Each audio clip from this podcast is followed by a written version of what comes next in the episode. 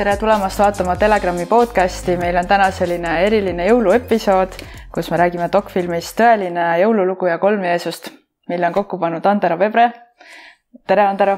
tere, tere, aitäh kutsumast Andero on siis äh, endine profijalgpallur, aga lisaks sellele ta uurib igasuguseid erinevaid teemasid, ta õpib ise hästi palju, koolitab ennast, loeb, äh, harib ja lisaks ta koolitab teisi, teeb põnevaid filmiõhtuid nii siin kui sealpool riigipiire ja sa oled nagu selline äh, üks Eesti tuntumaid vandenõude uurijaid kui nii võib öelda. aga täna jah, me räägime siis filmist äh, Tõeline jõululugu ja kolm Jeesust. et äh, kui kaua sa oled seda teemat uurinud ja kui pikk on see film, kui kaua sa seda tegid ja räägi natuke sellest filmist ja mis on olnud äh, tagasiside? Äh, sellest konkreetsest loost olen ma olnud teadlik äh, juba väga pikki aastaid. Äh, seitse-kaheksa aastat kindlasti. et ka seal dokumentaalis ma mainin ka selle ära, et sel, sel, seda lugu avalikustati teatud kinnisele ringkonnale, et mitte päris avalikuks see lugu ei tulnud kõigile kohe, aga teatud kinnisele ringkonnale tuli ta selles mõttes avalikuks äh, aastal kaks tuhat üks mhm. juba mm. -hmm. et see lugu on tegelikult äh, noh, miks ta on dokumentaal, me võiks ju öelda, et ta on nii-öelda mõne jaoks võib-olla ulme väljamõeldis isegi. aga võib öelda, et ta on äh, teatud väga oluliste isikute kes on siin planeedil teatud rolli mänginud, nende reaalset eelmiste elude kogemus, mida nad mäletavad sama selgelt nagu sina eilset päeva. ja olles ise selles loos sees ja olles siis äh, selles vereliinis sees ja selles perekonnas sees, siis ma arvan, et ei ole õigemat inimest äh, sellest rääkima kui inimene, kes on selles sees olnud. et sealt ka see lugu mm. -hmm tagasiside on olnud äh, väga positiivne, isegi üllatav, et, äh, et on hästi vastu võetud, on väga palju pannud inimesi mõtlema, seedima, et äh, kui ma saadan filmi välja ja meiliga tuleb mingi vastukaja, siis kõigil on selline suur küsimärk üleval, et vajab seedimist, vajab ülevaatamist ma väga soovitangi inimestel seda mitu korda vaadata, sellepärast et äh, tund viiskümmend sisutihe infovool äh,. sa ei püüa sealt esimese korraga kõike kinni. sest noh, kui ma siin niimoodi räägin, ma teen pause ja mõtlen, siis seal ma ikkagi noh, vajutan äh, selles mõttes seda infot järjest mm -hmm. ja, ja ta võib-olla see terminoloogia kohati ja neid nimesid seal erinevaid on hästi palju, see lugu on hästi detailne et siis seda järge pidada kindlasti tasub üle vaadata mm. -hmm et see film on tund viiskümmend pikk, et ma kujutan ette, et see info, mis seal on, see on noh, peaaegu terve raamat äh, võiks öelda sihuke jah, keskmisest, keskmise suurusega või natuke väiksem äh, raamat tõesti, et, et saab selle nagu, nagu kiirelt noh, ma ju loen, ta on mul tekstina ees, eks ole, ja, ja mingeid asju ma natuke monteerisin ise, ise juurde oma tunde järgi. Eh, kuidas mingeid asju väljendada seal, et ta oleks võib-olla söödavam. Eh, ja, ja tõesti, ta ongi üks selline väiksemat sorti nagu raamat. okei okay., kas see tuleb ka raamatuna välja mm.? Kuna ta on ikkagi niivõrd hell teema. siis praegu veel mitte. siis praegu veel mitte mm. -hmm aga mis see tõeline jõululugu siis on ja kes on need kolm Jeesust, et kas, kas Dan Brown oma Da Vinci koodis ka puudutas seda teemat, mis sina oma filmis?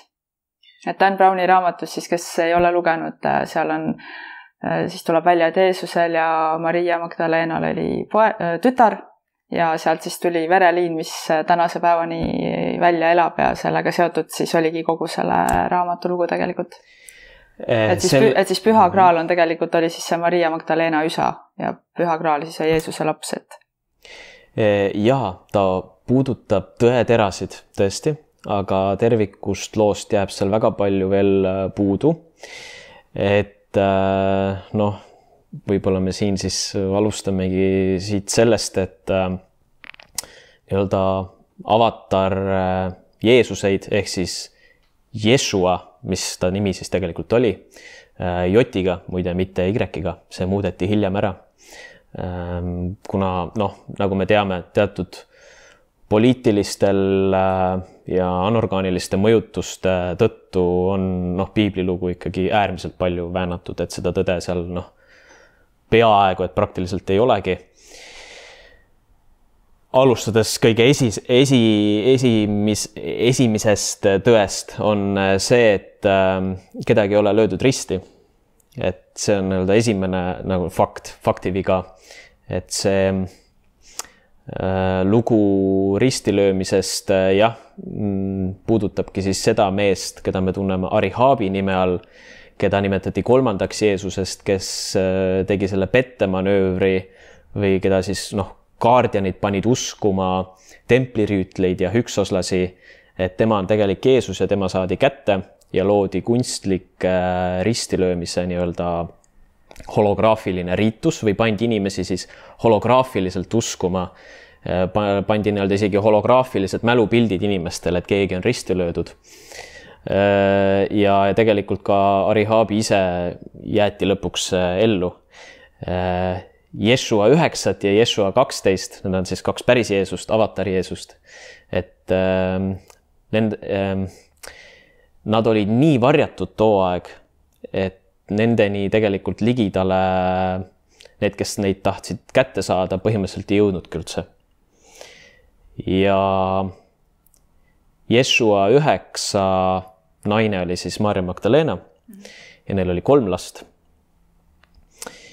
ja nad põgenesid äh, üsna, üsna varakult äh, Prantsusmaale. kuigi enne seda nad käisid igal pool ringi, Tiibetis, Pärsias, Süürias, Iraagis, äh, mm, paljudes kohtades oma õpetusi jagamas. ja siis oli veel teine liin, oli Jeshua kaheteistkümne liin,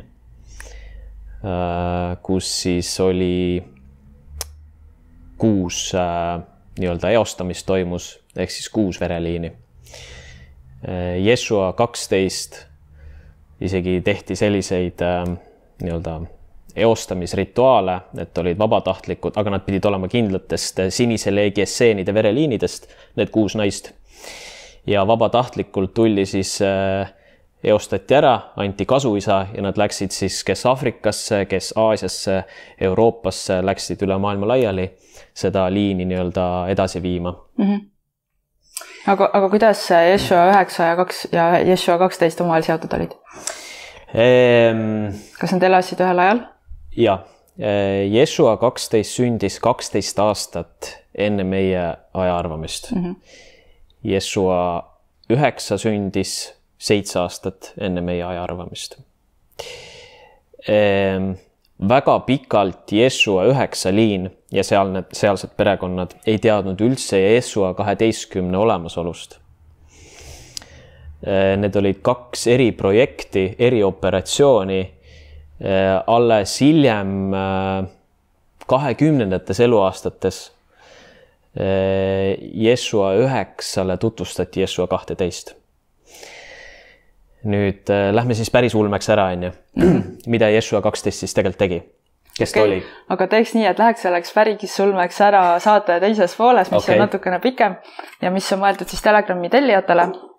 enne seda, kui me lähme väikesele pausile, ma tahaksin öelda, et kõik, kes seda saadet jagavad Facebookis, nende vahel me lubasime välja Lumiorava magneesiumi vettühekasti ja samuti David Aigi uue raamatu Lõks nii et äh, sihuke mõnus jõulukingitus ühele meie vaatajale